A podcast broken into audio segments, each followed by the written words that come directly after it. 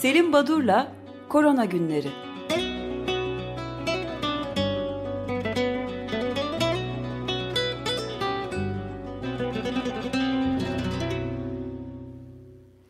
Günaydın Selim Badur, merhabalar.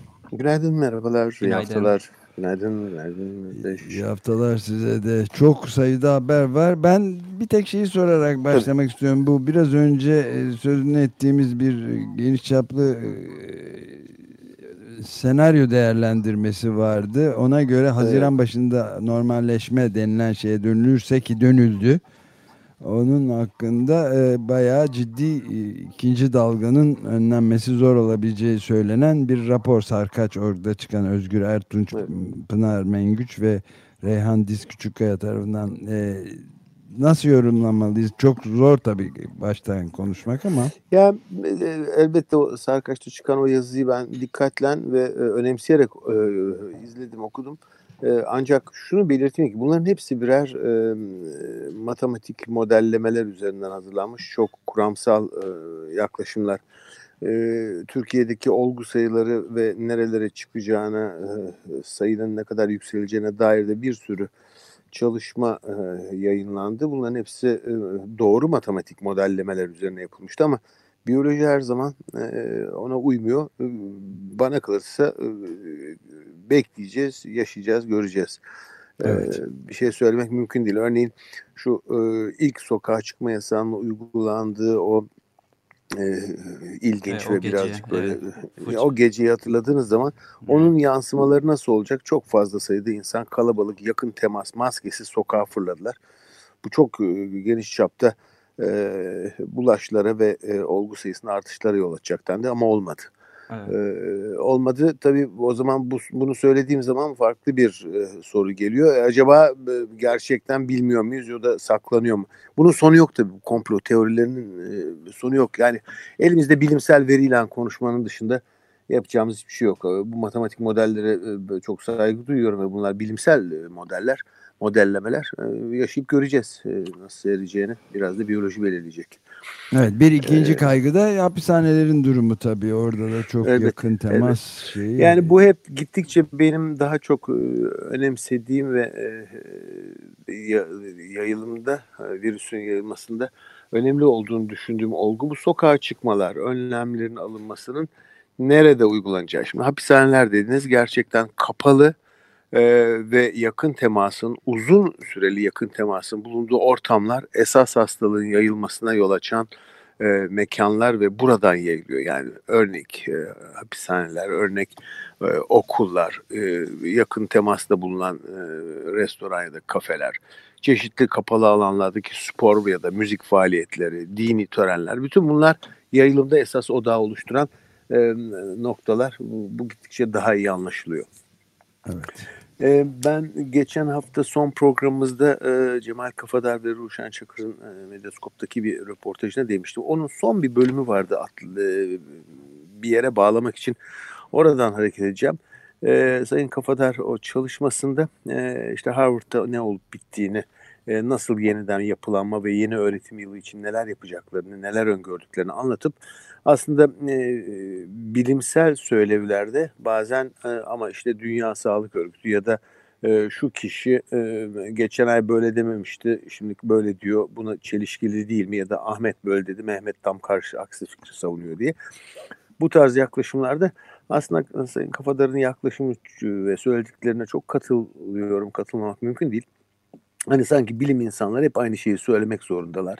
Tek bir doğru varmış gibi. Bunlar böyle değil tabii yani farklı fikirler e, çakışacak ve e, yazısını ya da röportajını Türkiye'de bilimin esas sorunu kurumsal devamlılığın olmaması bilim insanı kıyımıdır diye e, bitiriyor ve e, hani bilim insanlarına e, saygıya biraz e, e, vurgu yapmış. Bunu niye söyledim? E, Türk Tabipler Birliği aynı gün 19 Mayıs günü basında Türkiye'nin ilk Covid makalesi diye pazarlanan bir yayın çıktı. Bu aslında bu yayın e, Türkiye'deki bilim açısından bir utanç verici bir durumdur e, şeklinde. Oldukça sert, ağır ama çok gerçek bir yorum yapmıştı. Çünkü araştırmalarda izin değil bilimsel yöntem ve etik ilkeleri esas olmalıdır diyor Tabipler Birliği'nin e, makalesinde şey yazısında. E, anımsayacaksınız e, bu makale New England Journal of Medicine'de bir ön e, e, duyuru olarak çıkmıştı ve e, çok merkezli 125 merkez vardı içinde 170 kadar araştırıcı ve ben de a, Türkiye'den ilk defa böyle e, bir e, çok merkezli bir çalışma ilgileniyor diye e, dile getirmiştim. Ancak e, biraz yayının tamamına bakıldığında örneğin giriş bölümleri sadece bakanlık faaliyetlerine ayrılmış. Yöntem bölümü oldukça yetersiz. Merkezler acaba hangi kriterlere göre seçildi? Türkiye'yi temsil ediyor mu bu seçilen merkezler? Hastalar nasıl gruplandırıldı? E, işte PCR yöntemiyle tanı oranı dünyanın hiçbir yerinde görülmediği şekilde %98.9 olarak bildirilmiş. Hani %60'larda oluyor aslında. Radyoloji sonuçlarında bir takım e, gariplikler var. Örneğin e, deniyor ki e, %42'sinde %45.2'sinde e, akciğerin sağ alt lobu tutulmuşken e, sol alt lob sadece e, binde iki. Yani %45'ten binde ikiye düşüyor. Bunlar da çok garip şeyler.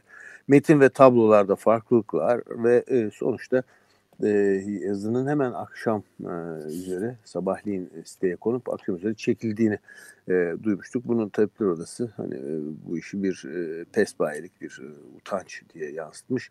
Bu önemli bir nokta. Tabii buradan biraz önce sizin değindiğiniz ve e, okuduğunuz e, Sayın Ar Oruç Arababa'nın e, yazısı 81 yılında görmüş Türkiye'deki e, üniversitenin ölümünü. Buna bağlamak istedim. E, evet. Biliyor musunuz Türkiye'deki e, Türkiye'deki üniversite öğrenci sayısını biliyor musunuz? E, Özdeş'e sorayım. Biliyor musunuz Özdeş ne kadar ee, Vallahi 7.4 milyon. Uhuhu. Nasıl? Kaç? Şu, an, şu anda 7.4 milyon. Hayır. Evet. Şu anda e, açık öğretim dahil bütün e, okullarla beraber 7.4 milyon üniversite öğrencisi ki yaklaşık %9.8'e falan tekabül ediyor. Amerika Birleşik Devletleri'nde bu oran %5.5. Yani siz böyle bir e, üniversite, üniversite kavramını aslında Türk e, eğitimi değiştirmiş vaziyette. Evrensel üniversite kavramıyla herhalde pek uyuşmayan ve çelişen bir şey e, bu durum. E, tabii bütün bunlardan bahsederken e, son günlerde e, virüsün davranışları, epidemiolojisi, kliniği, tedavisi bunlardan çok işin sosyal yönü e, çok e, konuşulmaya başlandı. E, işte gelecekte bizi e, ne bekliyor post pandemik dönemde? Kapitalizm sorgulanmalı mı? Kriz yönetimleri sarstı mı? Neoliberal sistemin kriz yönetimi sınıfta mı kaldı? Ekonomi ne oranda etkilendi? Çok etkilendi ekonomi diyoruz. Amazon 170 bin kişi yeni işe almış. Facebook'ta e, ve Microsoft'ta da birinde 5 ötekinde 11 milyar dolarlık karlardan bahsediliyor. Demek ki iş sektöründeki kar zarar oranları da değişmekte. devlet salgını bahane ederek yurttaşlar üzerindeki de, gözetim ve denetimini yaygınlaştırıyor birçok yerde. Salgın var, ulusal tehlike, birleşelim. Bu hep bir düşman yaratıp onun üzerinden gitme. E, belirsizlik bir iktidar stratejisi mi? E, acaba e, bu nereye götürecek bizi? E, tüketime dayanan kapitalist sistem biter mi falan. Bütün bu sorular tartışılmakta. Bunlar benim konum değil tabii. Ancak nereye geleceğim? Bu e, önemli e, sayılır.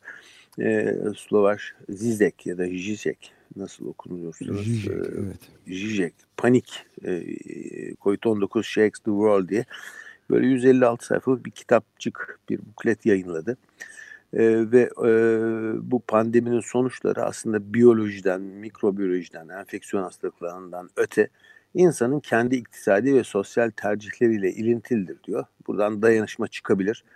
E, dayanışma derken diyor bir e, komünizm e, canlanmasından bahsetmiyorum. Gerçekten e, niye bu kadar korkuyor komünizmden anlamadım ama dayanışma e, çıkabilir diyor ve e, yöneticiler farkında bu durumun diyorlar ve bundan ürküyorlar. Aslında e, bu durum tabii e, sosyal e, yaşamla ve sosyal kuramlarla çok ilintili. Şimdi Amerika Birleşik Devletleri'nde şu son iki gündür olup bitenlere bakıyorsunuz. En fazla olgunun görüldüğü ülke ama kimse koronavirüsü falan bıraktı. E, isyan halinde kalabalık, maskesiz falan e, protestolarını sürdürüyorlar.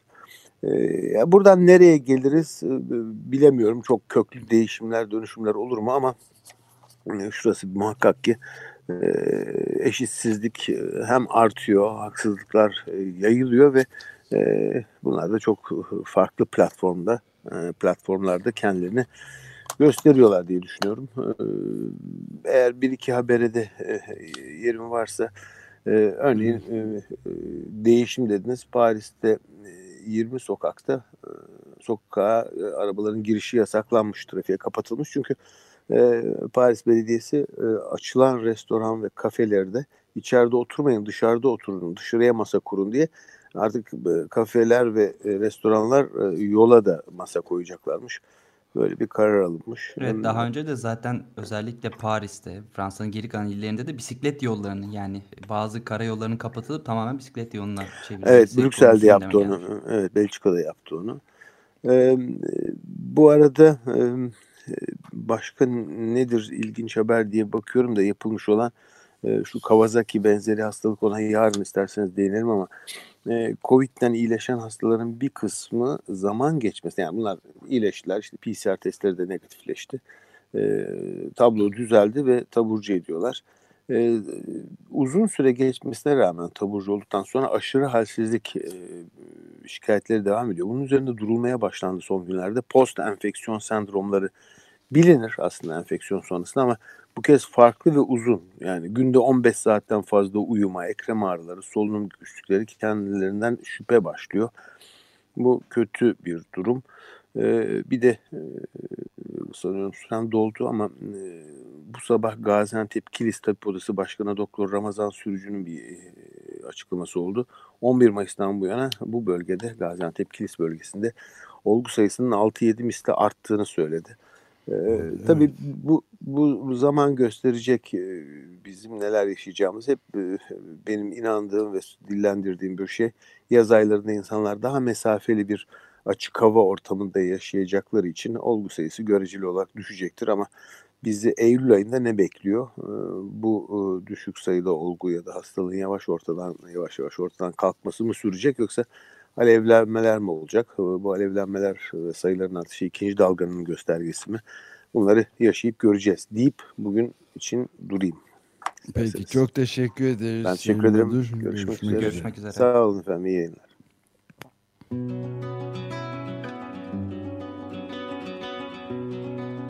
Selim Badur'la Korona Günleri.